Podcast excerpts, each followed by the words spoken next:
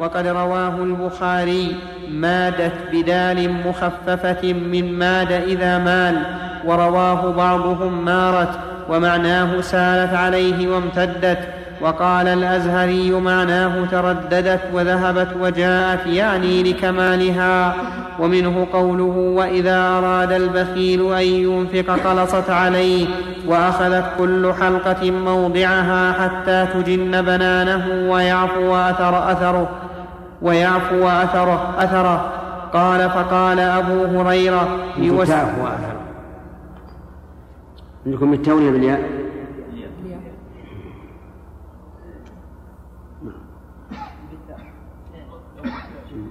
نعم. كيف؟ إيش؟ ثاء. لا أنا قصدي تعفو ولا؟ يعفو ها؟ اي بالتاء نعم.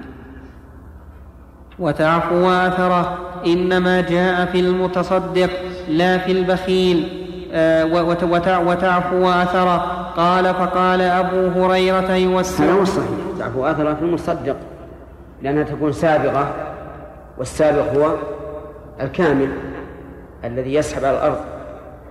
فيعفو أثره. البخيل تقلص وترتفع. كيف تعفو أثره؟ هذا مما أشار إليه أن فيه تقديم وتأخير. نعم. قال فقال أبو هريرة يوسعها فلا تتسع وفي هذا الكلام اختلال كثير لأن قوله تجن بنانه ويعفو أثر ويعفو أثره إنما جاء في المتصدق لا في البخيل وهو على ضد ما هو وصف البخيل من قوله قلصت كل حلقة موضع كل حلقة موضعها. وقوله يوسعها فلا تتسع وهذا من وصف البخيل. فأدخله في وصف المتصدق فاختل الكلام وتناقض وقد ذكر في الأحاديث على الصواب. ومنه رواية بعضهم تحز ثيابه بالحاء والزاي وهو وهم. والصواب رواية الجمهور تجن بالجيم والنون أي تستر ومنه رواية بعضهم ثيابه بالثاء المثلثة وهو وهم والصواب إيش؟ وين في؟ في رواية بعضهم؟ اقرأ في رواية بعضهم. وفي رواية بعضهم؟ ومنه رواية بعضهم ثيابه بالثاء المثلثة وهو وهم والصواب والصواب بنانه بالنون وهو رواية الجمهور كما قال في الحديث الآخر أناملة ومعنى تقلصت انقبضت ومعنى يعفو, يعفو أثره أي يمحي أثره أي يمحي أثر مشيه بسبوغها وكمالها وهو تمثيل لنماء المال بالصدقة والإنفاق والبخل بضد ذلك. وقيل هو تمثيل لكثرة الجود والبخل وأن المعطي إذا أعطى انبسطت يداه بالعطاء وتعود ذلك وإذا أمسك صار ذلك عادة له. وقيل معنى يمحو أثره أي يذهب بخطاياه ويمحوها. وقيل في البخيل قلصت ولزمت كل حلقة مكانها اي يحمى عليه يوم القيامة فيقوى بها والصواب الأول والحديث جاء الصواب الأول إنه تمثيل لأن النبي عليه الصلاة والسلام ما أراد أن يبين عقوبة هذا وهذا إنما أراد التمثيل وسيأتي في الحديث اللي بعده بيان أنه مطابق تماما. على كل حال هذا هذا الحديث ينبغي أن يحفظ يعني اكتبوا هو ليس لكثرة فوائده لكن لبيان أن الثقة الحافظ قد قد يتوهم. لأن هذا يرد علينا كثيرا. وقال مثلا كيف يصح المسلم يكون فيه وهم؟ كيف يصح البخاري يكون فيه وهم؟ وما أشبه ذلك. وهذا واقع. واقع في الصحيحين. لكن لا يعني ذلك أن أن الراوي يقدح في هذا الوهم. كل يتوهم. نعم. كمل كلامه. آه، طيب ما في مشكلة. والصواب الأول والحديث جاء على التمثيل لا على الخبر عن كائن وقيل ضرب المثل بهما ضرب المثل بهما لأن المنفق يستره الله تعالى بنفقته ويستر عوراته في الدنيا والآخرة كستر, كستر هذه الجبة لابسها وال والبخيل كمن لبس جبة إلى ثدييه فيبقى مكشوفا باد, العو العورة مفتضحا في الدنيا والآخرة. هذا آخر كلام القاضي عياض رحمه الله تعالى. قوله توسع بفتح التاء وأصله تتوسع وفي هذا دليل على لباس القميص وكذا ترجم عليه البخاري. باب جيب القميص من عند الصدر لأنه المفهوم من لباس النبي صلى الله عليه وسلم في هذه القصة. انتقل للحديث الثاني. حدثنا سليمان بن عبيد الله أبو أيوب الغيلاني قال حدثنا أبو عامر يعني العقدي قال حدثنا إبراهيم بن نافع عن الحسن بن مسلم عن طاووس عن أبي هريرة أنه قال ضرب رسول الله صلى الله عليه وسلم مثل البخيل والمتصدق كمثل رجلين عليهما جنتان من حديد. قد اضطرت, أي قد اضطرت أيديهما إلى ثديهما وتراقيك وتراقيهما فجعل المتصدق كلما تصدق بصدقة انبسطت عنه حتى تغشي أنامله وتعفو أثره وجعل البخيل كلما هم بصدقة قلصت وأخذت كل حلقة مكانها. قال فأنا رأيت رسول الله صلى الله عليه وسلم يقول بإصبعه بإصبعه في بأصبعه في جيبه فلو رأيت فلو رأيتها فلو رأيته يوسعها ولا توسع. في هذا الحديث آه، ضرب الأمثال وهو تشبيه المعقول بالمحسوس لأن ذلك يقرب المعنى ويوضحه. وفيه أيضا ما أشار إليه البخاري أن الجيب يكون في الصدر ولا يكون في الخلف. وهو ويدل عليه أيضا قوله تعالى في في موسى وأدخل يدك في جيبك. لأنه ليس من المعقول في الخطاب أن يكون المعنى ردها إلى إلى ظهرك ثم أدخلها في جيبك. وهذا الحمد لله هو المعهود. وبقي علينا هل هذا الجيب هل يزر أو يفتح؟ إذا كان فيه أزرة فإنه يزر. لأنه لولا ذلك لكان وضع الأزرة عبثا لا فائدة فيه. وأما حديث معاوية بن قرة أنه رأى النبي صلى الله عليه وسلم ذات يوم قد فتح جيبه فهذا يكون لعارض إما لشدة حر أو لحرارة في صدره أو لنسيان في في زره أو غير ذلك. يعني له احتمالات. وإلا ليس من المعقول أن محمد رسول الله صلى الله عليه وسلم يضع أزرة في جيبه لا لأجل الإصرار بها. وما توهمه بعض الناس من أنه ينبغي للإنسان أن يفتح جيبه ولا يزره فهذه من جملة الأوهام التي تقع من بعض الناس دون أن يتأملوا في السنة ودون أن يتأملوا في الواقع. فالصواب أن أن أن السنة هو زر الإزرار وأنه لا بأس أن يفتح الإنسان صدره لسبب من الأسباب. وهذا شيء واقع وكنا نعرف الناس قبل أن توجد والحمد لله المكيفات. نجده يفتح جيبه وإذا كان عنده غثرة نزعها لأجل التبرع. نعم.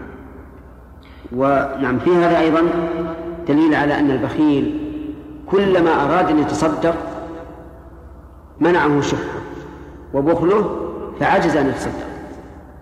كالذي عليه درع من حديد. ما يستطيع لأن كل حلقة لزقت إيش؟ في موضعها ما يقدر يوسعها وهذا حديد ليس خرقا يستطيع أن يشقه أما المتصدق فلانشراح صدره وسهولة البذل عليه يكون هذا الدرع يكون سابغا يغطي بنانه. يعني حتى في يديه يصل إلى أطراف الأصابع. في الرجلين يعفو أثره يعني يسحب. فهو سابق من أطراف أصابع اليد إلى أسفل الرجل لأنه يسهل عليه التصدق. وهذا شيء مشاهد. متى أتى هذا الإنسان الكرم؟ سهل عليه وصار غريزة له و وصار يود أن يأتي أحد يقدم له شيئا من الكرم. والبخيل بالعكس. البخيل بالعكس. لا يحب أن يتصدق بشيء ولا أن ينفق شيئا وأكره ما عليه أن أن يرى ضيفا نزل به. أما الكريم فإنه يتعرض للضيفان. وسمعنا من قبل مما كان الناس في فاقة والمطاعم لا توجد في البلاد والإنسان إذا لم يضيفه أحد يبقى جائعا. سمعنا أن بعض الكرماء يجعلون حراسا على أبواب البلد أو محل اجتماع الناس وإذا رأوا شخصا إذا رأوا شخصا يعني غريبا دعوه إلى الضيافة. وهذا من من الكرم. وقد ذكر ابن القيم رحمه الله أن بذل المال من أسباب انشراح الصدر وهذه فائدة عظيمة أنك إذا بذلت المال لكن في طاعة الله وفيما يقرب إلى الله عز وجل فإنه من أسباب انشراح الصدر ذكر هذا في زاد المعاد. نعم. وحد وحدثنا نعم سليم بعض الناس مثل مثل الرسول صلى الله عليه وسلم من الجيش ويجعلون بعض الناس سنة يا شيخ. هنا ليه فكرنا تعبد الرسول صلى الله عليه وسلم ما هي عباده تعبد الرسول صلى الله عليه وسلم بالله. هنا بعض الناس الناس بعض الناس يقلد بعض العلماء حتى في يعني حتى في امور ما ما لها ما لها دخل في الدين ولا لها دخل في المروه يقلدونهم على على على غير دين وعلى غير فهم انها عباده لله هذا صحيح هذا لا, لا شك أننا فيه أننا حتى لو فرضنا فرض أن الرسول فعله عادة فلازم من كونهم يعتادون هذا أن يكون هذا سنة قد يكون من باب العادة. نعم.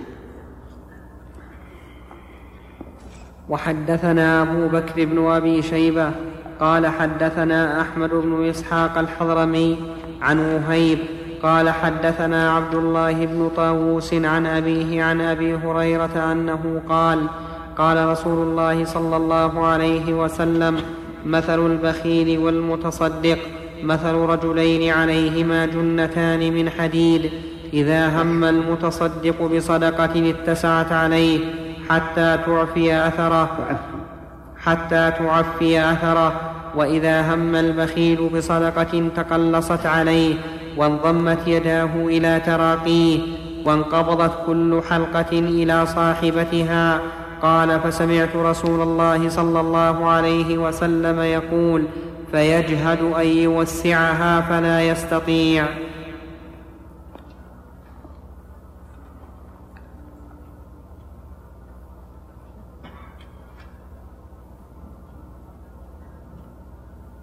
استمر.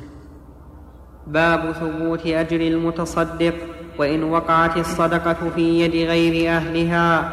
حدثني سويد بن سعيد قال حدثني حفص بن ميسرة عن موسى بن عقبة عن أبي الزناد عن الأعرج عن أبي هريرة عن النبي صلى الله عليه وسلم أنه قال قال رجل لأتصدقن الليلة بصدقة فخرج بصدقته فوضعها في يد زانية فأصبحوا يتحدثون تصدق الليلة على زانية.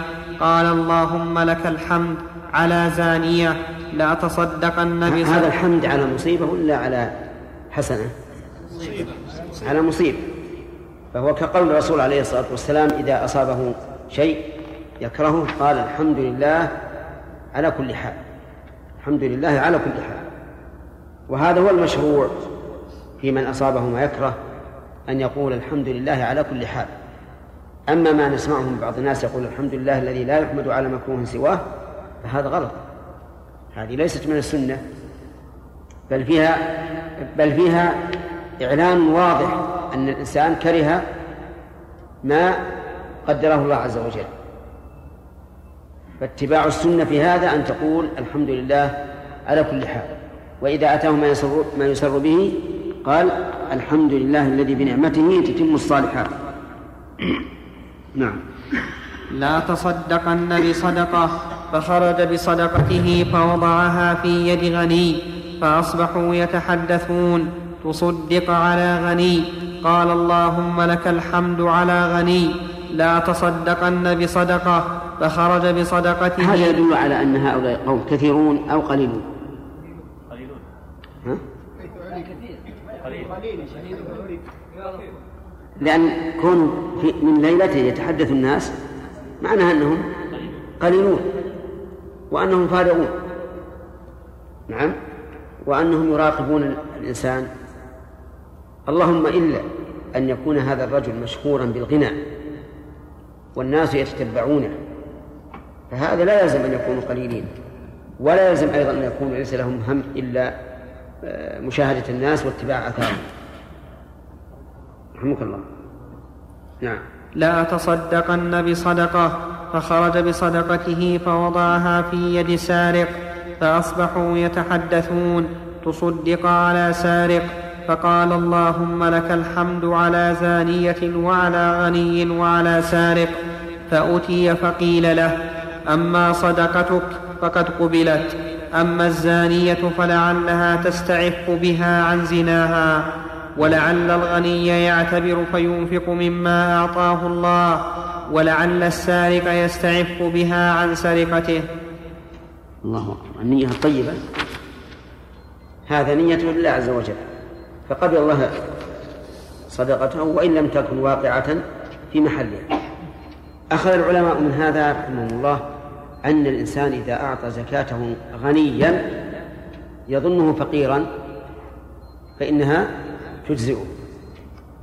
لأنها لأن الله قال لأن هذا نودي فقيل له إن صدقتك قد قبلت. وهل مثل ذلك إذا أعطاها لمن لمن يظنه مستحقا لغير الفقر فتبين أنه ليس بمستحق؟ الجواب نعم إذ لا فرق. لا فرق في هذا. فمن أعطى زكاته من يظن أنه أهل لها ثم تبين أنه ليس بأهل فإنها مقبولة. نعم. إيش؟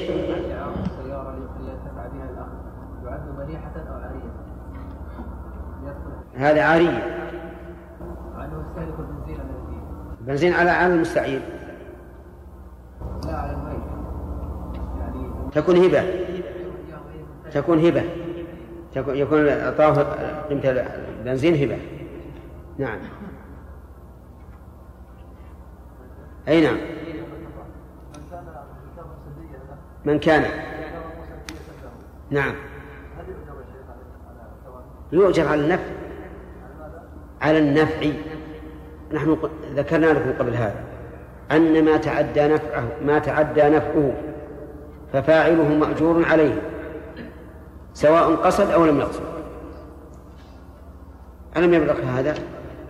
وذكرنا لكم أمثلة الزارع اللي يزرع والغارس اللي يغرس وينتفع منه الطير والوحوش وغيرها يؤجر على هذا. نعم. إيش؟ ارفع صوتك. نعم. نعم. نعم. هذا غير هذا. هذا غير هذه بارك الله فيك. من دعا إلى هدى وإن لم يفعل. من دعا إلى هدى غير من فعل وسمع. عرفت؟ واضح؟ كيف واضح؟ إنسان يدعو فقير يدعو الناس إلى إلى إلى الصدقة ويحثهم عليه. هذا هو دعا إلى هدى؟ طيب وما فعله؟ ما سأل الثاني اللي سن تصدق وشاف ورآه الناس وتصدقوا مثله. نعم. ثلاثة. باب أجر الخازن باب أجر الخازن الأمين. والمرأة إذا تصدقت من بيت زوجها غير مفسدة بإذنه الصريح أو العرفي. حدثنا أبو بكر بن أبي شيبة وأبو عامر. إذنه الصريح أن يقول من جاء من فقير فتصدق عليه. أو العرفي أن هذا معروف عند الناس أن المسكين إذا قرع الباب فإن المرأة تعطيه وإن لم يأذن لها زوجها. وهذه المسألة لها ثلاث حالات. الحالة الأولى أن يصرح لها ويقول ما جاء من جاءك من المساكين فتصدق عليه. هذا واضح صريح. الحالة الثانية أن لا يقول لها ذلك ولا تعلم أنه لا يرضى. وقد جرت العادة بمثله فهذا أيضا لا بأس به. لأنه جرى به جرى به العرف. الحالة الثالثة أن لا يجري به العرف وهي تعرف أن الرجل لا يريد هذا. فلا يجوز لها أن تصدق بل بل لو فرض أنه بقي طعام وأرادت أن تعطيه الفقير أو الجيران وهو يقول لا تعطيه أحدا فإنه يحرم عليها أن تعطيه. وبعض النساء يقول نحن نفعل ذلك لأنه لو بقي الطعام عندنا لفسد. ونحن نفعل هذا أجر لنا وله. فيقال إذا فسد فإنما إثمه على صاحب البيت. ما دام يقول لا لا تعطي أحدا منه فلا تعطي المال ماله. لكن مثل هذا ينبغي لها أن تنصحه وتذكره بالخير والأجر حتى يوافق على على ذلك. بسم الله الرحمن الرحيم. الحمد لله رب العالمين والصلاة والسلام على أشرف الأنبياء والمرسلين نبينا محمد وعلى آله وأصحابه أجمعين. أما بعد فقد قال الإمام مسلم رحمه الله تعالى كتاب الزكاة في باب أجر الخازن الأمين والمرأة إذا تصدقت من بيت زوجها غير مفسدة بإذنه الصريح أو العرفي حدثنا أبو بكر بن أبي شيبة وأبو عامر الأشعري وابن نمير وأبو كريب كلهم عن أبي أسامة. قال أبو عامر حدثنا أبو أسامة. قال حدثنا بريد عن جده أبي بردة عن أبي موسى. عن النبي صلى الله عليه وسلم أنه قال إن الخازن المسلم الأمين الذي ينفذ وربما قال يعطي ما أمر به فيعطيه كاملا موفرا طيبة به نفسه فيدفعه إلى الذي أمر له به أحد المتصدقين. بسم الله الرحمن الرحيم. هذا فيه بيان فضيلة التعاون. على البر والتقوى وأن المعين لأخيه على عمل صالح يشاركه فيه. والظاهر والله أعلم أن أن النبي صلى الله عليه وسلم ذكر الصدقة على سبيل المثال. وإلا فكل من أعان على خير فله مثل أجر من فعله. ولهذا قال النبي صلى الله عليه وعلى آله وسلم من جهز غازيا فقد غزا. ومن خلفه في أهله بخير فقد غزا فيستفاد منه. الحث على التساعد والتعاون في عمل الخير. ولكن النبي صلى الله عليه وسلم اشترط الخازن المسلم الأمين. فلو كان الخازن غير مسلم فإنه لا يستحق الأجر. لأن غير المسلمين لا تقبل من منهم أعمالهم الصالحة. ولكن لو أس لو أسلموا فإنها تكتب لهم أعمالهم الصالحة التي فعلوها حال الكفر. ولا تكتب عليهم السيئات. واشترط النبي صلى الله عليه وسلم أن يكون أمينا. فإن كان غير أمين بحيث يتصرف فيما وكل فيه لمصلحة نفسه فهذا ليس له أجر. مثل أن يستقرض من المال الذي أعطيه لينفقه ويتصدق به في سبيل الله فتجد إذا احتاج ذهب يستقرض وهذا حرام لا يجوز إلا بإذن من أعطاه. وقوله عليه الصلاة والسلام الذي ينفذ أو يعطي ما أمر به. هل هذا تفسير للأمين أو وصف زائد على الأمانة؟ هو وصف زائد على الأمانة. أو قال هو وصف من جملة الأمانة. لأن الأمين غير الذي ينفذ لأن من الناس من يكون قويا في التنفيذ والعمل لكنه غير أمين.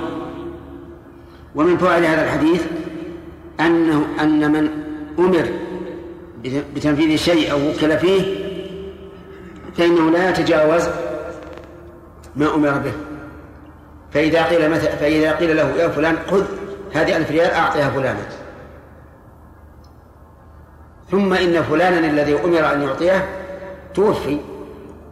فهنا ليس له الحق أن يتصرف في هذا الألف فيعطيه الورثة ولا أن يتصرف فيه فيعطيه غيره. لأنه مقيد بالأمر. ومن ذلك إذا تبرع الناس لبناء المسجد وزادت النفقة فإنه لا يجوز له أن يصرفه في مسجد آخر. اللهم إلا إذا تعذر مراجعة المتبرعين. فحينئذ لا بأس أن يصرفه في بناء مسجد آخر. يساويه في الحاجة ويساويه في كثرة المصلين أو ما أشبه ذلك.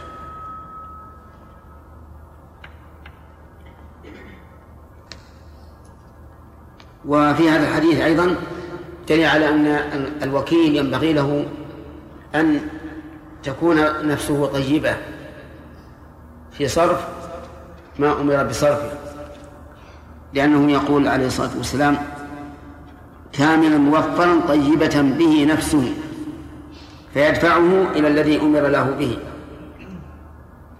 فلا ينبغي أنت أن تعطي وأنت تظهر المنة أو التكره أو ما أشبه ذلك. أعان الله وإياكم. نعم. حدثنا يحيى بن يحيى وزهير بن حرب وإسحاق بن إبراهيم. إيش؟ طيب. حدثنا يحيى بن يحيى وزهير بن حرب وإسحاق بن إبراهيم جميعا عن جرير. قال يحيى أخبرنا جرير عن منصور عن شقيق عن مسروق عن عائشة أنها قالت قال رسول الله صلى الله عليه وسلم إذا أنفقت المرأة من طعام بيتها غير مفسدة كان لها أجرها بما أنفقت ولزوجها أجره بما كسب وللخازن مثل ذلك لا ينقص بعضهم أجر بعض شيئا. هؤلاء ثلاثة. أجروا على هذه الصدقة الواحدة الزوجة ومن؟ والثالث الخازن. نعم. وحدثناه ابن أبي عمر قال حدثنا فضيل بن عياض عن منصور بهذا الإسناد وقال من طعام زوجها حدثنا أبو بكر بن أبي شيبة قال حدثنا أبو معاوية عن الأعمش عن شقيق عن مسروق عن عائشة أنها قالت قال رسول الله صلى الله عليه وسلم إذا أنفقت المرأة من بيت زوجها غير مفسدة كان لها أجرها وله مثله بما اكتسب ولها بما أنفقت وللخازن مثل ذلك من غير أن ينتقص من أجورهم شيئا. وحدثناه ابن نمير قال حدثنا أبي وأبو معاوية عن الأعمش بهذا الإسناد نحوه.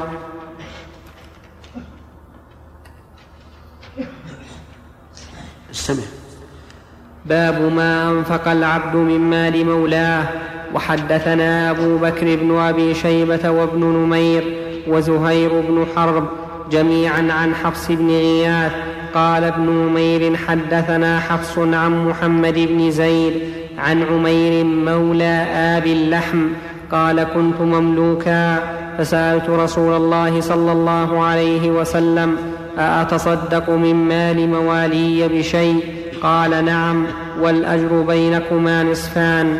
وحدثنا قتيبة بن سعيد قال حدثنا حاتم يعني ابن إسماعيل عن يزيد يعني ابن أبي عبيد قال سمعت عميرا مولى آبي اللحم قال أمرني مولاي أن أقدد لحما فجاءني مسكين فأطعمته منه فعلم بذلك مولاي فضربني فأتيت رسول الله صلى الله عليه وسلم فذكرت ذلك له فدعاه فقال لم ضربته؟ فقال يعطي طعامي بغير أن آمره فقال الأجر بينكما. ولم نقل لا تضرب فيما لو كرر هذا لكنه طيب قلب السيد فقال الاجر بينكما. وإلا فمن المعلوم أن العبد ليس له حق في أن ينفق من مال سيده مع منعه منه. نعم. يحيى. زين الحمد لله. الشيخ أحسن الله عليك في هذه الأحاديث ما ذكر اذن الزوج؟ نعم يعني هل يقدر ولو بدون اذن؟ لا لا بد من الإذن. والإذن إما عرفي وإما وإما لفظي وربما يؤخذ من قوله غير مفسدة. لأن إطعامها بغير على الرغم من من أنف زوجها هذا إفساد. معنى يعني. نعم. هل نقول بمعنى أن أن المرأة لو تصدقت بدون إذن زوجها. لو لو تصدقت يعني أنفقت بدون إذن الزوج والزوج راضي لا بأس يؤجر عليه إذا علمت برضاه نعم ذكرنا أمس ثلاث ثلاث حالات أو أربع حالات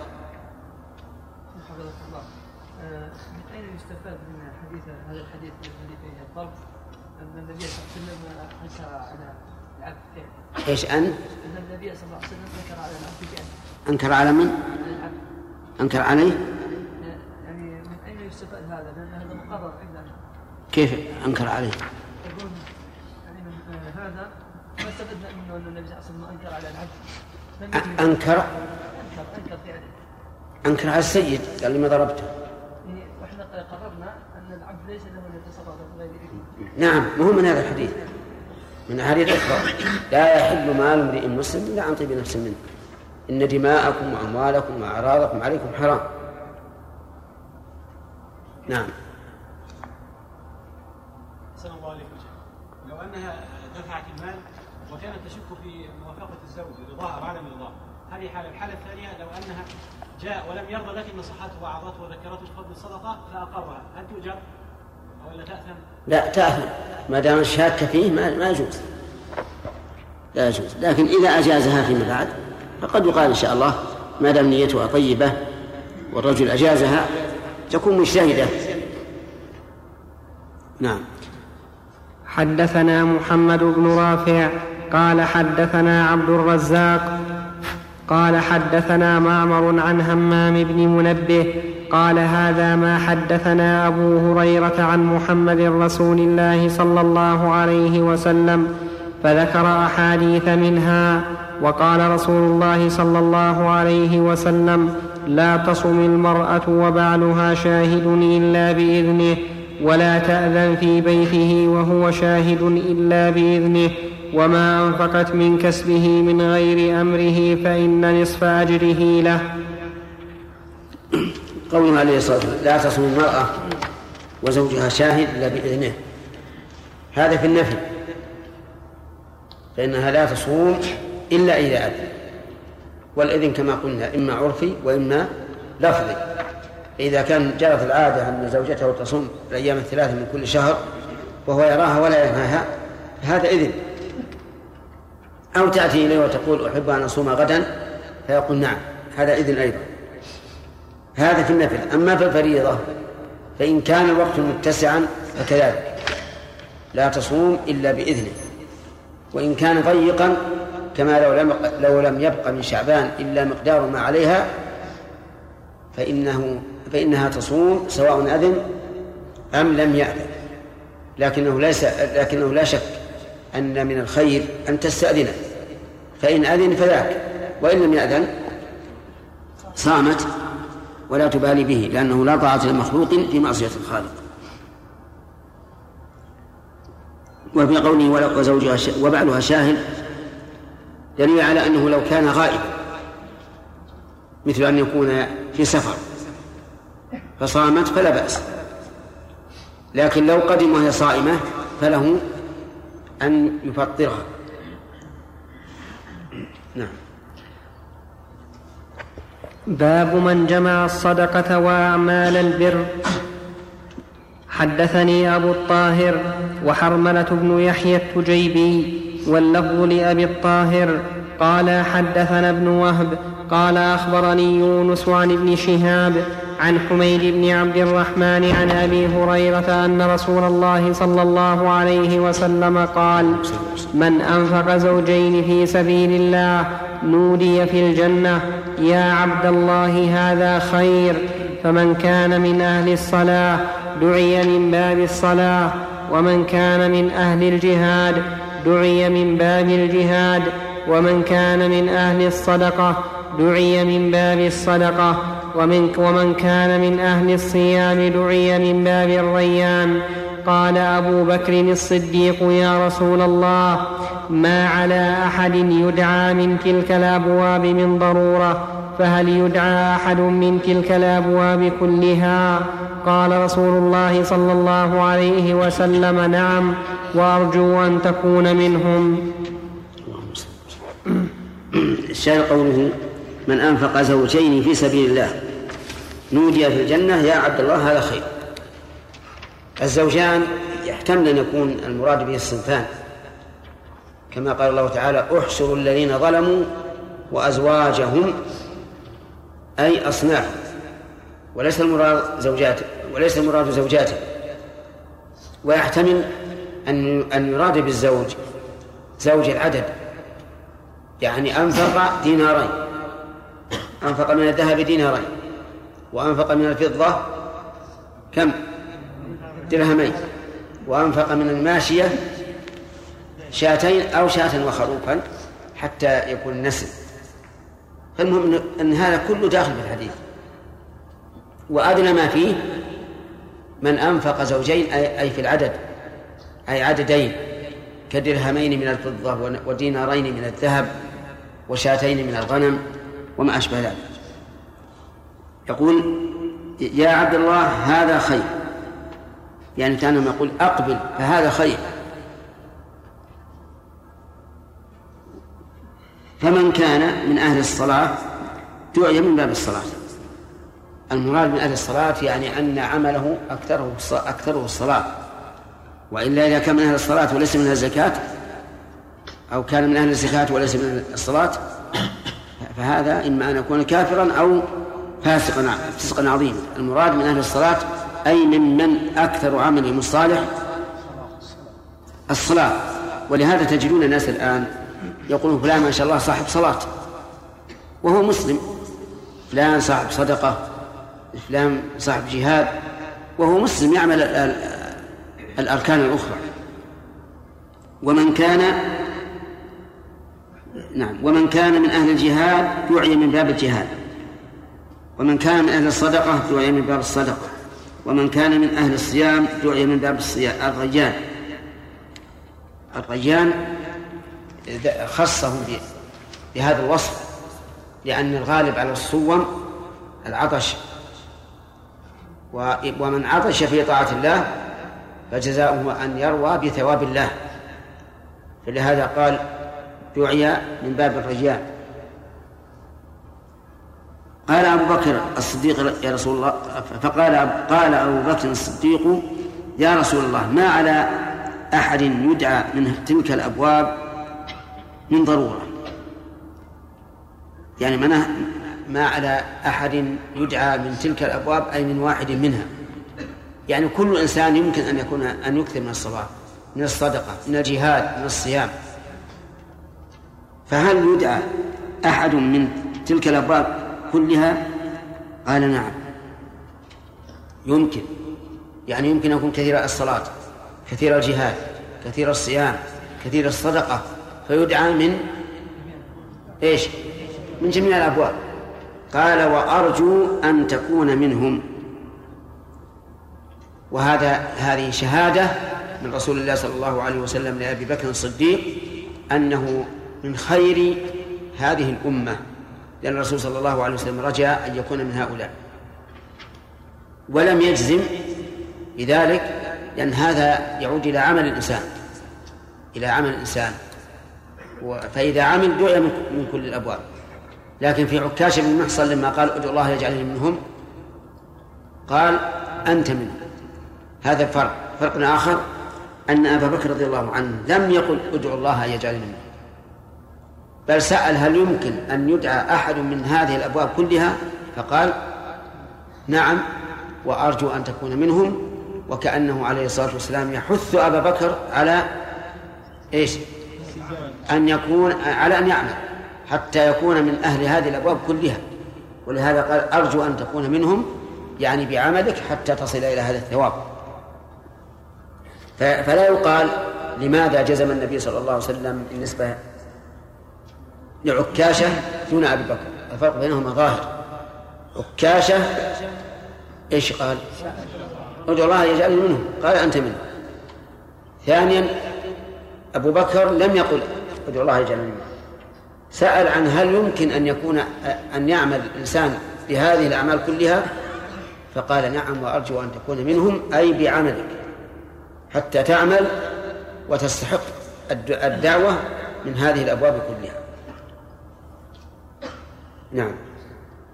حدثني عمرو الناقد والحسن الحلواني وعبد بن حميد قالوا حدثنا يعقوب وهو ابن إبراهيم بن سعد. قال حدثنا أبي عن صالح. حا وحدثنا عبد بن حميد. قال حدثنا عبد الرزاق. قال أخبرنا معمر كلاهما عن الزهري بإسناد يونس ومعنى حديثه. وحدثني محمد بن رافع. قال حدثنا محمد بن عبد الله بن الزبير. قال حدثنا شيبان. وحدثني محمد بن حاتم واللفظ له قال حدثنا شبابة قال حدثني شيبان بن عبد الرحمن عن يحيى بن أبي كثير عن أبي سلمة بن عبد الرحمن أنه سمع أبا هريرة يقول قال رسول الله صلى الله عليه وسلم من أنفق زوجين في سبيل الله دعاه خزنة الجنة كل خزنة باب أي فل هلم فقال أبو بكر يا رسول الله ذلك الذي لا توى عليه.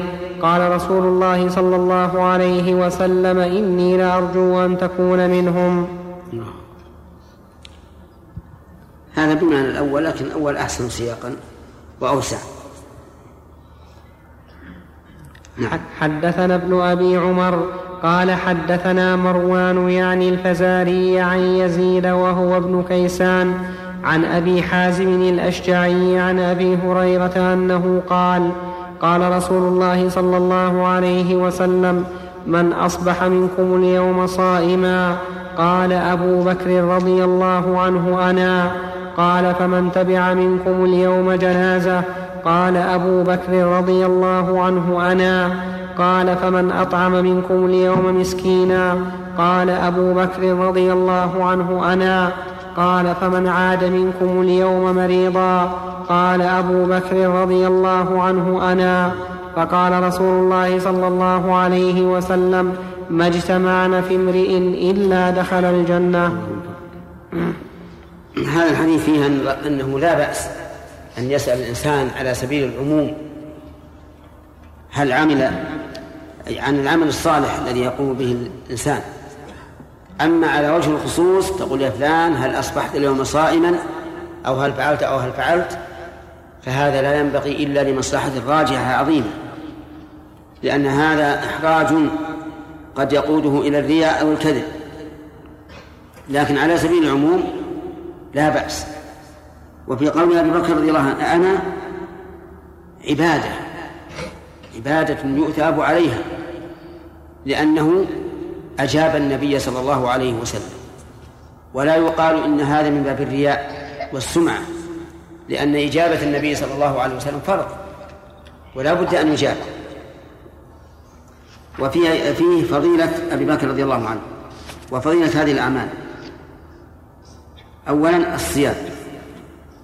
ولا شك في فضل الصيام وأنه من أجل العبادات والطاعات وأن الله اختصه لنفسه فقال الصوم لي. وأنا أجزيه وهو دليل واضح على إيمان الصائم وصدقه وحرصه في طلب الآخرة لأنه يدع شهوته وطعامه وشرابه لله عز وجل. وفي أيضا من أصبح نعم من تبع منكم اليوم جنازة وهذا أيضا من الأعمال الصالحة اتباع الجنائز قياما بحق الميت ووعظا للنفس وتلطفا وتألفا لأهله.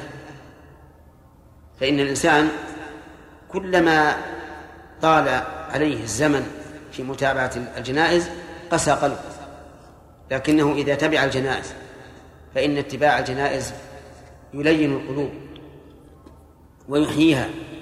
ولهذا قال العلماء ينبغي للإنسان يتبع الجنائز أن لا يتحدث في شيء من أمور الدنيا.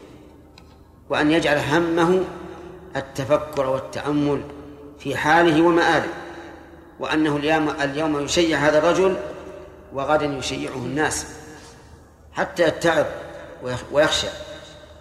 و فاتباع الجنائز من أفضل الأعمال لأن فيه هذه الفوائد الثلاث الاتعاظ والقيام بحق الميت التألف إلى إلى ذويه. وفي أيضا يقول عليه الصلاة والسلام من أصبح منكم من أطعم منكم اليوم مسكينا يعني فقيرا. فقال أبو بكر أنا وهذا هو المناسب للباب الذي نحن فيه باب الصدقة. والمسكين هو الفقير وسمي بذلك لأنه أصيب بالمسكنة من أجل فقره. ولهذا تجد الغني يتكلم بملء فمه. ولا يبالي وكلامه يكون عند الناس مسموعا وصوابا ولو كان أخطأ من الخطأ. وتجد الفقير قد أسكنته أسكنه الفقر لا يتكلم. وفي هذا يقول الرسول عليه الصلاة والسلام طوبى لعبد آخذ بعنان فرسه في سبيل الله أو قال أخذ بعنان فرسه في سبيل الله. إن كان في الساقة كان في الساقة وإن شفع لم يشفع وذكر أنه ممتهن عند الناس لا يبالون به. فهذا هو المسكين الفقير. قال فمن عاد منكم إلى مريضا؟ قال أبو بكر أنا. هذا أيضا فيه في في عادة المريض. أولا القيام بحق المريض. وثانيا تليين القلب. فإن الإنسان إذا رأى الضعفاء من المرضى والمعاقين والصبيان وما أشبه ذلك لأن قلب ثالثا أنه تأليف لأهله وذويه. رابعا أنه قد يصدر منه كلمة تنفع هذا المريض في في حياته ومماته. قد يعظه موعظة لا يحس بأنه قد قرب أجل بل موعظة عامة يذكره التوبة يذكره الوصية. كذلك أيضا من فوائدها وهي الخامسة أنه أنه يدخل السرور على قلب المريض. وكم من إنسان عاد مريضا ثم شفي المريض تجد هذا المريض لا ينساها له أبدا. دائما يذكرها. وهذا غير الزيارة العادية. الزيارة العادية تنسى مع الأيام لكن عيادة المريض سبحان الله لا ينساها المريض أبدا. ففيها فوائد. فقال رسول الله صلى الله عليه وسلم ما اجتمعنا في امرئ إلا دخل الجنة.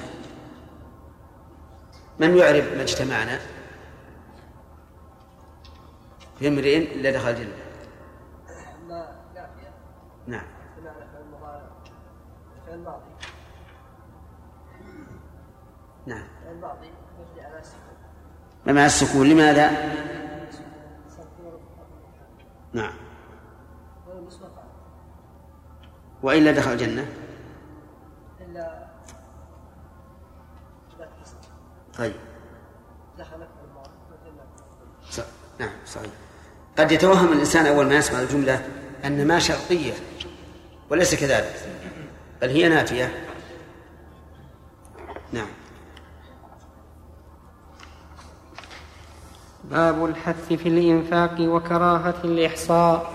حدثنا أبو بكر بن أبي شيبة قال حدثنا حفص يعني ابن غياث عن هشام عن فاطمة بنت المنذر عن أسماء بنت أبي بكر رضي الله عنها أنها قالت قال لي رسول الله صلى الله عليه وسلم أنفقي أو انضحي أو, أو انفحي ولا تحصي فيحصي الله عليك.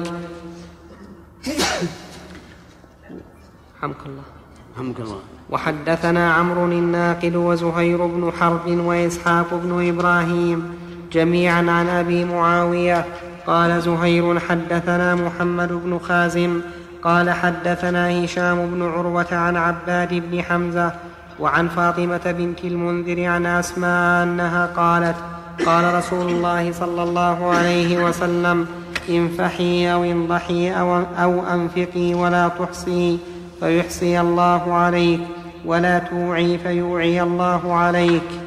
وحدثنا ابن نمير قال حدثنا محمد بن بشر قال حدثنا هشام عن عباد بن حمزة عن أسماء أن النبي صلى الله عليه وسلم قال لها نحو حديثهم وحدثني محمد بن حاتم وهارون بن عبد الله قال حدثنا حجاج بن محمد قال قال ابن جريج أخبرني ابن أبي مليكة أن عباد بن عبد الله بن الزبير أخبره عن أسماء بنت أبي بكر أنها جاءت النبي صلى الله عليه وسلم فقالت يا نبي الله ليس لي شيء إلا ما أدخل علي الزبير فهل علي جناح أن أرضخ مما يدخل علي؟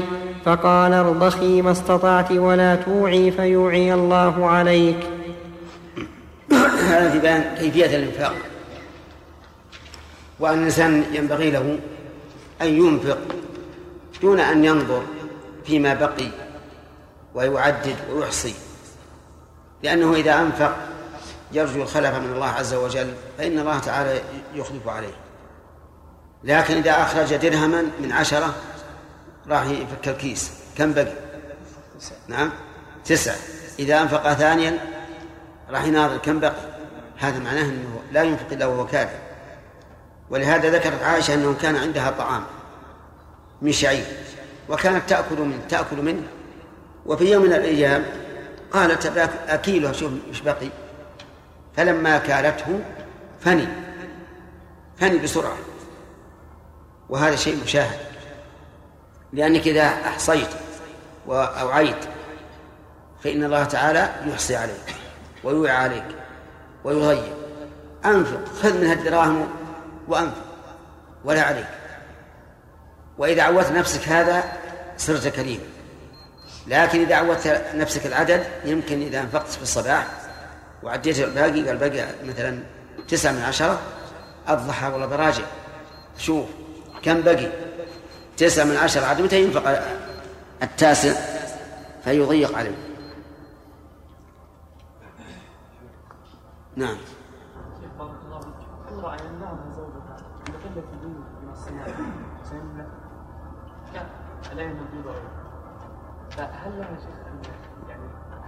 يمنع بضرر يمنعها من إيش؟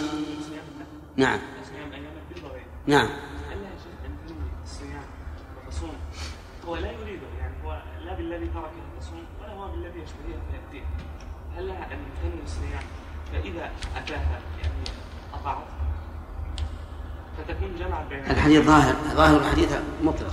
أنها لا تصوم إلا باذنه ما دام شاهد. أما إذا غاب فلا بأس. نعم. أحسن الله عليك شيخ. ذكر النووي رحمه الله عليه في حديث أبو هريرة السابق. الذي يدعى من باب الجنة. يا عبد الله هذا خير. فمن كان من أهل الصلاة دعي من باب الصلاة إلى آخر الحديث.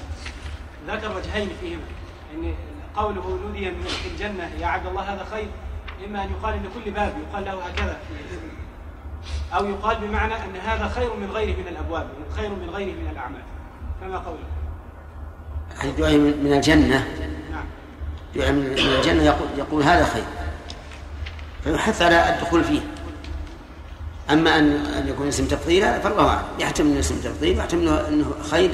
يقول حتى إذا كان في التفضيل فنحمله نؤوله على أن كل أهل باب يظنون أن هذا أفضل من غيره. كل أهل باب في ما. نحمله على هذا. ما دام إنه يحتمل أنه ليس تفضيلا فلنأخذ به. نعم يا عبد الله عرفنا في رمضان ان المراه لا تنفق الا باذن زوجها لكن في هذا الحديث الرسول حينما خاطب أسماء. لم يعني يذكر أذن الزوج. فهل نحمل على أنه عرف من حال الزبير أنه لن يمنع عنه؟ ما في شك. الرسول يعرف من حال الزبير شيئا كثيرا. حتى أنه قال ان إن لكل نبي حواري وأن حواري الزبير. ويعلم إنه يحب الإنفاق. نعم. باب باب الحث واحد. نعم. صامت المرأة بإذن زوجها إيش؟ إذا صامت المرأة بإذن زوجها صيام تطوع. نعم. ثم يعني للفراش نعم؟ تجيب نعم. تجيب ولكن هل يجوز أن يدعوها للفراش؟ وقد أذن لها. هذا محل نظر. أما هي فيجوز أن تفطر لأن صوم النفل يجوز الإفطار منه. لكن هل يجوز له هو بعد أن أذن لها بالطاعة؟ أن يرجع وقد شرعت فيها هذا محل نظر. فإما أن يقال لا بأس وله الرجوع لأنها هي إذا أبطل الصوم لا, لا تأثم. وقد يقال إن إذنه له لها بالصوم كالوعد. وال- والمؤمن يجب عليه الوفاء بالوعد. ولا شك ان أن الأولى للإنسان في هذه الحال أن لا يفسد صومه. اللهم إلا في حال حاجة شديدة لا بأس. نعم. باب الحث على الصدقة ولو بالقليل ولا تمتنع من القليل لاحتقاره. حدثنا يحيى بن يحيى قال أخبرنا الليث بن سعد حا وحدثنا قتيبة بن سعيد قال حدثنا الليث عن سعيد بن أبي سعيد عن أبيه عن أبي هريرة أن رسول الله صلى الله عليه وسلم كان يقول يا نساء المسلمات لا تحقرن جارة لجارتها ولو فرس نشاة. يعني معناه أن الرسول عليه الصلاة والسلام حث على إعطاء الجارة لجارتها ولو شيء قليل كفرس الشاة فرس الشاة هو بمنزلة الخف للبعير يعني لو هذا الشيء القليل لأن ال ال الهدية تجلب المودة ولو كانت قليلة. نعم. نعم.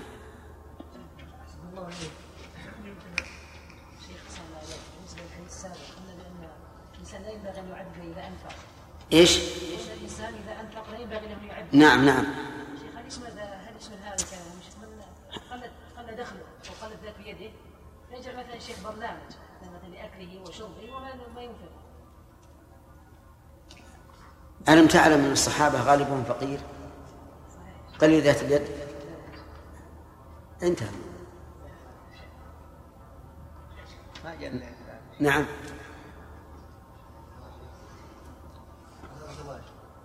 لو ان شخصا مثلا تاجر وكان اذا باع شيئا اخرج اجار المحل منه واجار العماله وعزل المكسب هل هذا يدخل في؟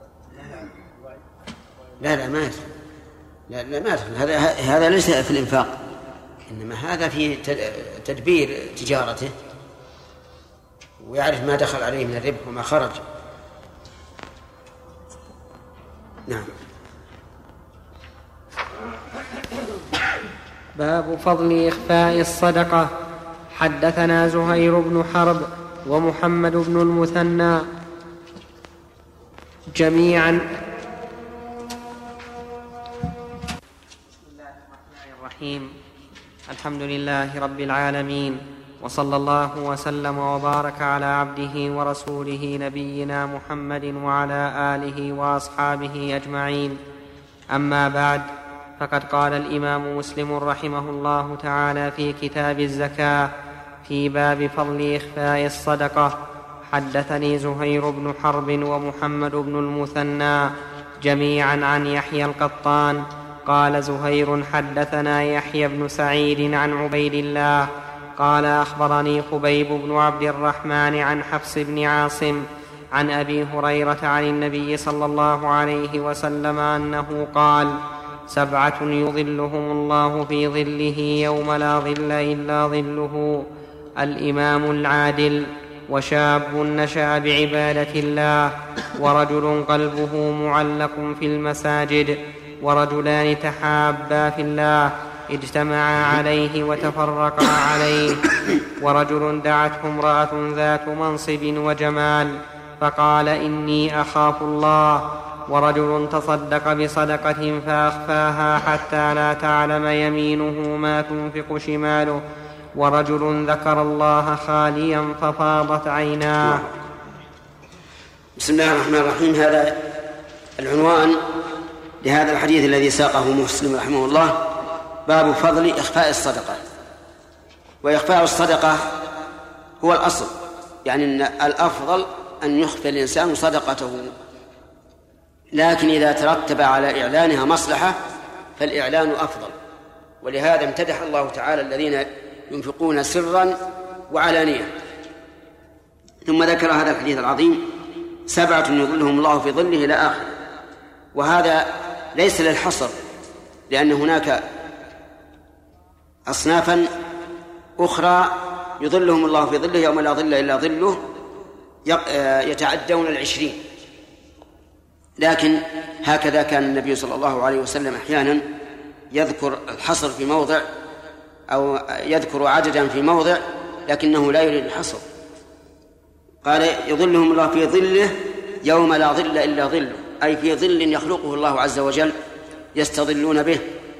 وقد جاء في بعض الأحاديث في ظل عرشه لكن فيها نظر هذه هذه الكلمة. والصواب في ظله أي في ظل يخلقه الله كما قال الله تبارك وتعالى كما جاء في الحديث الصحيح كل امرئ في ظل صدقته يوم القيامة. وقوله يوم لا ظل إلا ظله لأنه في ذلك الوقت ينسف الله الجبال ولا بناء ولا أشجار وإنما هي قاع صفصف لا ترى فيها عوجا ولا أمتا فأين الظل؟ ليس هناك بناء ليس هناك مغارات ليس هناك كهوف ليس هناك أشجار وإنما هي قاع صفصف. فلا ظل إلا ظل الله عز وجل. بدأ بالإمام العادل. والإمام العادل هو الذي يقضي بين عباد الله بشريعة الله. لأن شريعة الله هي أعدل أعدل حكم. فإذا قضى بين الناس بشريعة الله فهذا إمام عادل. فتجده مثلا ينفذ الحدود على أقاربك كما ينفذها على الأباعد. حتى أن النبي عليه الصلاة والسلام وهو أول من يدخل في قوله إمام عادل يقول ويم الله لو أن فاطمة بنت محمد سرقت لقطعت يدها. ومن العدل في الإمام أن يعدل فيما يجب بحق الله عز وجل بأن يقوم بعبادة الله المتعلقة بنفسه فإن هذا من العدل أن يقدم الإنسان ما يحبه الله عز وجل على ما يحبه هو. الثاني شاب نشأ في طاعة الله يعني واستمر على ذلك وإنما ذكر الشاب لأن الشاب عنده من النزوات والهوى ما يبعده عن طاعة الله. فإذا نشأ في طاعة الله صارت طاعة الله تعالى كأنها غريزة في نفسه. الثالث رجل قلبه معلق في المساجد يعني أنه دائما يحن إلى المسجد. إن خرج منه فقلبه فيه. دائما. والمراد بالمساجد هنا الأمكنة المعدة للصلاة. وسواء كان تعلقه من أجل الصلاة أو من أجل طلب العلم أو غير ذلك. المهم أنه لا يتعلق بشيء من أمور الدنيا وإنما يتعلق في المساجد التي هي بيوت الله عز وجل ومحل طاعته. ورجلان يتحابا في الله اجتمعا عليه وتفرقا عليه. تحابا في الله يعني لم يجمع بينهما في المحبة إلا ذات الله عز وجل وهي طاعة الله. يعني أحب هذا الشخص لأنه مطيع لله عابد له فاجتمع على ذلك. وتفرق عليه أي بقي عليه إلى أن تفرق بالموت. والثالث نعم ثالث ولا الرابع؟ الرابع. رجل دعته امرأة ذات منصب وجمال يعني دعته إلى نفسها ليفعل بها الفاحشة. فقال إني أخاف الله. وهي امرأة ذات منصب يعني ذات حسب وشرف ليست من آه، من الدنيئات بل هي عزيزة شريفة وليست أيضا من القبيحات بل هي جميلة. فهي ذات منصب وجمال وهو أيضا عنده شهوة للنكاح. فقال إني أخاف الله. لم يذكر إلا هذا السبب. لم يقل لا رغبة لي في النساء. ولم يقل أنت قبيحة. ولم يقل أنت من آه، أناس أهل دناءة. ولم يقل حولنا أحد نخشى أن يشعر بنا. إنما الذي منعه شيء واحد وهو خوف الله عز وجل. وعلى رأس هؤلاء يوسف عليه الصلاة والسلام. فإن يوسف دعته امرأة العزيز وهي سيدته. دعته في موضع خال لا يطلع عليه إلا الله إلى نفسها. وقالت هيت لك. قال معاذ الله. إنه ربي أحسن مثواي إنه لا يفلح الظالمون. ولقد همت به وهم بها لولا أن رأى برهان ربه. فهو عليه الصلاة والسلام ليس ممن لا يشتهي النساء بل هو يشتهي النساء ودعته نفسه إلى ذلك لأنها امرأة امرأة الملك ولا بد أن تكون في الغالب جميلة ولها وقد لبست قد لبست وتزينت بالزينة الداعية إلى الفعل. لكن وهم بها أيضا. فنفسه دعته إلى ذلك. لكن رأى برهان ربه وهو ما قام في قلبه من الإيمان. ثم تركه. قال إنه ربي أحسن ما نعم. لولا أن رأى برهان ربه كذلك لنصرف عنه السوء والفحشاء إنه من عبادنا المخلصين. هذا معنى الآية وهو في غاية ما يكون من الثناء على يوسف بالعفة. وأما من قال همت به أي أن يفعل بها وهم بها أن يضربها فهذا قول بعيد من الصواب. فالرجل الذي تدعوه المرأة إلى الفاحش المرأة إلى الفاحشة ولكنه تمنعه مخافة الله هذا هو العفيف حقا. إذ لا يمنع من من فعل الفاحشة مراءة الناس أو خوف الناس وإنما هو خوف الله. دعته امرأة ذات منصب وجمال فقال إني أخاف الله وهذا غاية ما يكون من العفة. ومن ذلك فيما يظهر قصة الرجل الذي دعا الذي كان يراود ابنة عم له على فعل الفاحشة ولكنها تأبى عليه.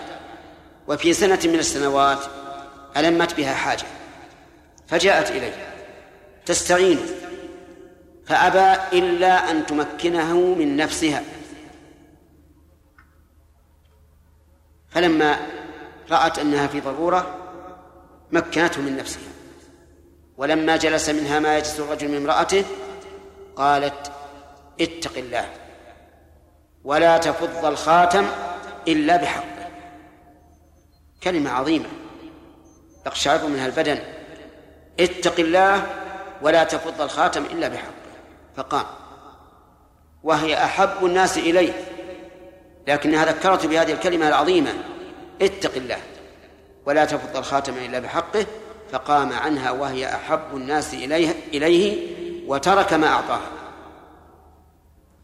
ورجل دعته امرأة ذات منصب وجمال فقال إني أخاف الله. ورجل تصدق بصدقة فأخفاها حتى لا تعلم شماله ما تنفق يمينه. الشاهد من هذا الحديث هذه الجملة. رجل تصدق بصدقة فأخفاها لم يعلم بها أحد حتى لا تعلم شماله ما تنفق يمينه. قال بعضهم حتى لا يعلم من كان عن شماله بما أنفقت يمينه. وقال آخرون وهو الأصح أنه لو ك... أنه كاد أن يخفي الأمر عن شماله أي عن جانب بدنه الأيسر من شدة الإخفاء. فلا تعلم شماله ما تنفق يمينه. آخرهم رجل ذكر الله خاليا ففاضت عيناه. خاليا أي وحده. لا, لا لم يقصد رياء ولا سمعة. خاليا من علاقات الدنيا. فقلبه منصرف إلى الله عز وجل. فلما ذكر الله عز وجل وعظمته وجلاله وخشيته فاضت عيناه. فاضت عيناه شوقا وخوفا دون أن يطلع عليه أحد. هذا أيضا ممن يظلهم الله في ظله يوم لا ظل إلا ظله. نسأل الله تعالى أن يجعلنا وإياكم ممن أظلهم الله في ظله يوم لا ظل إلا ظله. هل يمكن أن تجتمع هذه الأوصاف في شخص واحد؟ نعم يمكن. يمكن أن يكون الإمام العادل متصفا بهذه الصفات كلها. أن يكون شابا منذ منذ شب وهو في طاعة الله والبقية معروفة لكن هو نادر في الحقيقة وقليل لكنه ليس بممتنع. فإذا اتصف الإنسان بهذه الصفات كلها فهل تتضاعف عليه الأضلة؟ أو نقول ما زاد عن الوصف الواحد يكون رفعة في درجاته والوصف الواحد يظل يظله الله به الظاهر الثاني.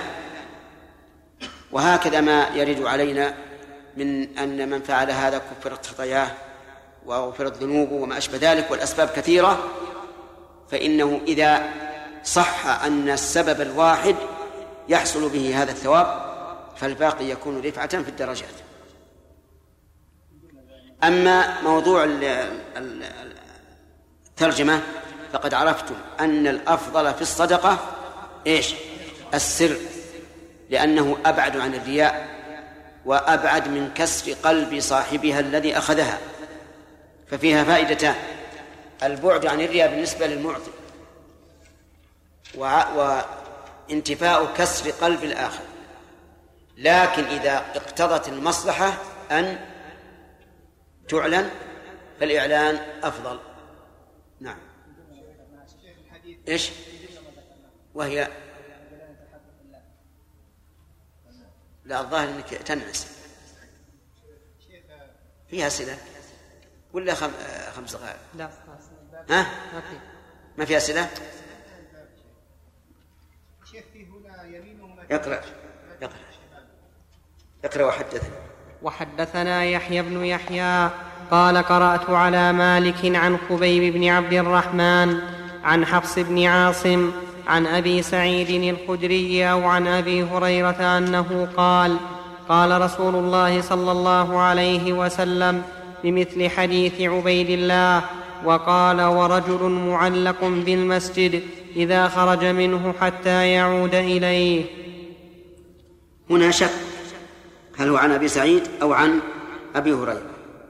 فهل نأخذ برواية الشاك أو برواية الجازم؟ برواية الجازم. قد يقول قائل لماذا لا نقول إن أبا هريرة وأبا سعيد كلاهما رواة؟ نقول نعم نقول بهذا لو كانت الرواية الثانية عن أبي سعيد جزما. أما والمسألة فيها شك فلا يمكن أن نقول إنه اجتمع أبو سعيد وأبو هريرة في رواية الحديث. نعم.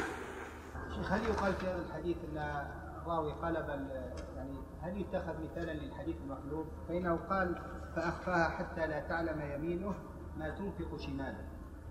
أي ترى أنا أنا نسيت. يعني أنا كنت اقراها من قلب.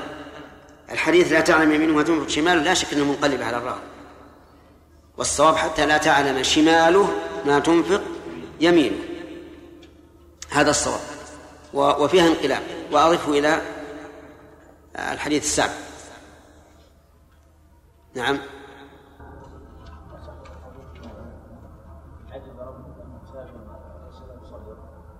إي نعم. هذا حسن. إن الله يعجب من الشاب ليس له صوة هذا حسن. نعم. كل الصدقات الزكاة والتطوع. ها؟ ها؟ لا لا ما من صلاة الجماعة لا لكن إن إن أراد الإنسان أن يدفع التهمة عن نفسه فقد يقال من من هذه الناحية إظهارها وإعلانها أفضل. كما لو خاف من الناس أن يقولوا هذا الرجل لا يزكي لأن ما علمناه أخرج شيئا قد يكون من, ناحية من هذه الناحية أفضل. وإلا فالسر أفضل. نعم. ثلاثة؟ باب بيان أن أفضل الصدقة صدقة الصحيح الشحيح. حدثنا زهير بن حرب قال حدثنا جرير عن عمارة بن القعقاع عن أبي زرعة عن أبي هريرة أنه قال أتى رسول الله صلى الله عليه وسلم رجل فقال يا رسول الله أي الصدقة أعظم؟ فقال أن تصدق وأنت صحيح شحيح تخشى الفقر وتأمل الغنى ولا تمهل حتى إذا بلغت الحلقوم قلت لفلان كذا ولفلان كذا ألا وقد كان لفلان؟ نعم. يعني لا شك أن الصدقة في حال الصحة أفضل كما قال النبي صلى الله عليه وسلم. إن أعظم الصدقة وأفضلها أن تصدق وأنت صحيح صحيح البدن. شحيح أي شحيح على المال. لا تحب أن يخرج من يدك لأنك صحيح والصحيح يأمل طول البقاء ويخشى الفقر فهو شحيح بالمال. وتخشى الفقر وتأمل الغنى. واللفظ الثاني أقرب للصواب تأمل البقاء. تخشى الفقر مع طول العمر وهذا أشد ما يكون في شح الإنسان. إذا خاف الفقر مع طول البقاء فحينئذ يكون أش- أشد شحا ولا تمهل يعني في في عدم الصدقة. حتى إذا بلغت يعني الروح الحلقوم وإنما لم يبينها لأنها معلومة كقوله تعالى فلولا إذا بلغت الحلقوم أي الروح. قلت لفلان كذا ولفلان كذا ألا وقد كان لفلان. لفلان يعني رجلا أجنبيا ليس من الورثة. لفلان كذا يعني أعطوه كذا. وهذه وصية. ولفلان كذا كذلك وصية. وقد كان لفلان من فلان الثالث؟ الوارث. لأن الإنسان إذا وصل إلى هذا الحد وحضره الموت فإن كان يعقل ما يقول فله أن يوصي بالثلث فأقل لغير الوارث. وإن كان لا يعي ما يقول فوصيته باطلة. ربما يقول لفلان كذا ولفلان كذا وهو لا يعي ما يقول. لأن الروح قد بلغت الحلقوم. لكن إذا قلنا إنه يعي ما يقول ويعرف هذا بالقرائن فهذا هذه الصدقة ليس فيها خير. يعني بعدما انصرفت من الدنيا توصي الوصية هنا ضعيفة جدا وأجرها قليل. نعم. وحدثنا أبو بكر بن أبي شيبة. نعم.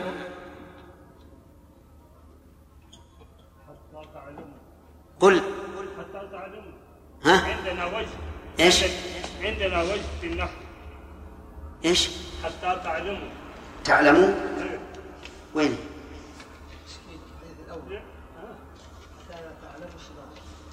ها؟ حتى لا تعلموا. لا تعلم. نعم. حتى تنصب المضارع. إيه. حتى تنصب أن مضمرة بعد حتى التي ذكرها المصنف. نعم. ذكر المصنف أن ذكر ابن مالك أن حتى تنصب المضارع تنصب بعدها المضارع. مضمر وجوبا. نعم. وقال وبعضهم بعض العرب. نعم. وش الإشكال؟ الإشكال الرفع يعني؟ أيوه الرفع. أي هي هي مشكولة بالوجهين. بالنصب على أنها للغاية. أن حملا على. اختها حيث استحقت عنه. أيوة. اسمع. وهنا اسمع بارك الله فيك اسمع الجواب. يعني مشكولة عندنا بالوجهين. فعلى النصب على أن حتى للغاية. وعلى والرفع على أن حتى ابتدائية. لأن حتى تأتي ابتدائية فتكون مثل واو الاستئناف. نعم. وحدثنا أبو بكر بن أبي شيبة وابن نمير قال حدثنا ابن فضيل عن عمارة عن أبي زرعة عن أبي هريرة أنه قال جاء رجل إلى النبي صلى الله عليه وسلم فقال يا رسول الله أي الصدقة أعظم أجرا؟ فقال أما وأبيك لتنبأنه. أن تصدق وأنت صحيح شحيح تخشى الفقر وتأمل البقاء ولا تمهل حتى إذا بلغت الحلقوم قلت لفلان كذا ولفلان كذا وقد كان لفلان. حدثنا هنا قال وأنت صحيح شحيح تخشى الفقر وتأمل البقاء. وهذا أشد ما يكون حملا على الشح. أن الإنسان يخشى الفقر ويخشى طول العمر. ولذلك إذا أراد أحد أن يدعو على شخص بدعاء شديد قال له اللهم أطل فقره وأطل آه نعم اللهم أدم فقره وأط- وأطل عمره. حدثنا أبو كامل. حدثنا أبو كامل الجحدري قال حدثنا عبد الواحد قال حدثنا عمارة بن القعقاع بهذا, بهذا الإسناد نحو حديث جرير غير أنه قال أي الصدقة أفضل. قوله في الحديث السياق الأول في السياق الأول أما وأبيك لتنبأنه أي لتخبرن به. فيه إشكال في قوله وأبيك وذلك أنه حلف بغير الله. والنبي صلى الله عليه وعلى آله وسلم أخبر بأن الحلف بغير الله شرك والشرك لا يمكن أن يقع من الأنبياء. فما هو الجواب؟ سبق لنا أن قوله للأعرابي الذي علمه شرائع الإسلام ثم قال لا أزيد على هذا ولا أنقص أنه قال أفلح وأبيه إن صدق وبينا أن اللفظة هذه شاذة. ولهذا لم لم يأتي بها البخاري. فهي شاذة. هنا لا يستبعد أن تكون شاذة. وعلى تقدير صحتها فإما أن يقال إن هذا مما يجري على الألسن على الألسن بلا قصد. وإما أن يقال إنه قبل التحريم. وإما أن يقال إن هذا إن الشرك مستحيل في حق الرسول عليه الصلاة والسلام بخلاف غيره. يعني إن الرسول له أن يحلف بغير الله لأن الشرك في حقه مستحيل بخلاف غيره. لكن لا بد أن تحرر هذه اللفظة هل هي محفوظة أو شاذة. من يحررها؟ طيب. إيهاب. نعم.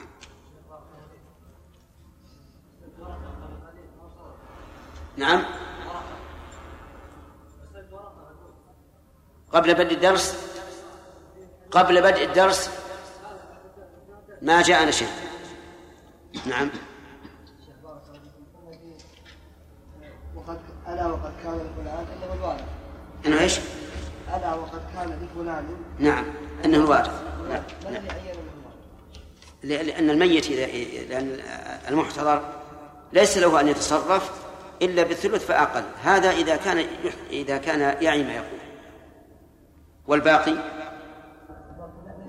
للورثة يعني ما فهمت وجه التعيين لا لأن بلوغ الوارث إيش؟ قلنا في قلت لفلان كذا ولفلان كذا وقد كان لفلان. قلنا في الأول أنه رجل غريب والثاني هو الوارث. أي نعم. كيف عينا أنه الوارث لأن لأن المي المريض مرض المرض المخوف أو الذي في السياق من باب أولى لا يملك جميع ماله قد تعلق به حق الوارث. وحتى من جهة اللفظ. نعم نعم كان لفلان باعتبار أنه تحقق أنه الوارث الثلثان للوارث على كل حال. نعم. في حديث قلبه ما ضابط المسجد؟ هل يشترط فيها أن تقام فيه الصلوات الخمس وأن يكون مسبلا آه، أبدا؟ أو لا يشترط هذا في المسجد؟ ما أدري. المساجد كلنا يعرف المساجد هي التي تقام فيها الجماعة معروف. وليس المراد مسجد بيته. وإن كان في احتمال أن المراد بالمساجد يعني محل السجود أي محل الصلاة ولو في بيته. لكن الظاهر أن المساجد التي تقام فيها الجماعة لأنه رجل يصلي مع الجماعة ويحافظ عليه. سليم.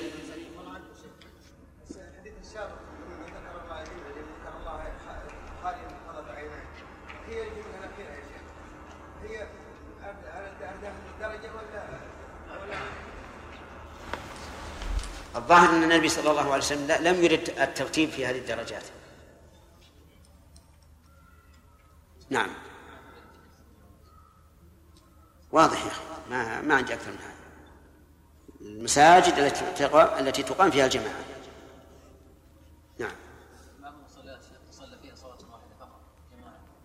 المساجد التي تقام فيها الجماعة الصلاة الخمس. نعم. باب بيان أن اليد العليا خير من اليد السفلى وأن اليد العليا هي المنفقة وأن السفلى هي الآخذة. حدثنا قتيبة بن سعيد عن مالك بن أنس فيما قرئ عليه عن نافع عن عبد الله بن عمر أن رسول الله صلى الله عليه وسلم قال وهو على المنبر وهو يذكر الصدقة والتعفف عن المسألة اليد العليا خير من اليد السفلى واليد العليا المنفقة والسفل والسفلى السائلة قوله اليد العليا خير من من اليد السفلى يعني في هذا في هذه المسألة فقط. وإلا فقد تكون اليد السفلى خيرا من من اليد العليا في في أمور أخرى. كالمحافظة على الصلاة وحسن الخلق وغير ذلك. لكن في هذه المسألة آخذ ومعطي المعطي إيش؟ خير من الآخر لأنه أعلى منه. وهذا فيه حث على الإنفاق. وترهيب من السؤال. لأنه قال اليد السفلى هي السائلة ولهذا نقول لا تسأل المال إلا عند الضرورة. أو في حال تعرف أن المسؤول يكون ممنونا بهذا ويفرح. وإلا فلا تسأل. وفي هذا الحديث دليل على تفاضل الناس في الأعمال وهو أمر معلوم أن الناس يتفاضلون في الأعمال والتفاضل في الأعمال قد يكون بحسب الإخلاص وقد يكون بحسب المتابعة لأن شرط الأعمال الإخلاص والمتابعة والناس يختلفون في هذا اختلافا عظيما. نعم. حدثنا محمد بن بشار ومحمد بن حاتم وأحمد بن عبده جميعا عن يحيى القطان. قال ابن بشار حدثنا يحيى. قال حدثنا عمرو بن عثمان. قال سمعت موسى بن طلحة يحدث أن حكيم بن حزام حدثه أن رسول الله صلى الله عليه وسلم قال أفضل الصدقة أو خير الصدقة عن ظهر غنى واليد العليا خير من اليد السفلى. وابدأ بمن تعول. نعم. خير الصدقة أو أفضل الصدقة ما كان عن ظهر غنى. يعني أن تصدق وأنت لا تحتاج المال بل عندك ما يكفيك. هذا خيره لأن الإنسان في هذه الحال ينفع نفسه وينفع غيره. فإن لم تكن عن ظهر غنى فهي مفضولة. لكن مع كونها مفضولة قد يعرض للمفضول ما يجعله أفضل من الفاضل. قد يكون الإنسان يطلب منها أن يؤثر غيره على على نفسه ويكون هذا الإيثار أفضل. لكن مع التساوي بدءه بنفسه وأهله خير من أن يتصدق. ويقول اليد العليا خير من اليد السفلى وسبب وابدأ بمن تعول. هذا كالتفريع على قوله عن ظهر غنى. يعني ابدأ بمن تعول أي بمن يلزمك عولهم كالزوجة والأم والأب والإبن والبنت.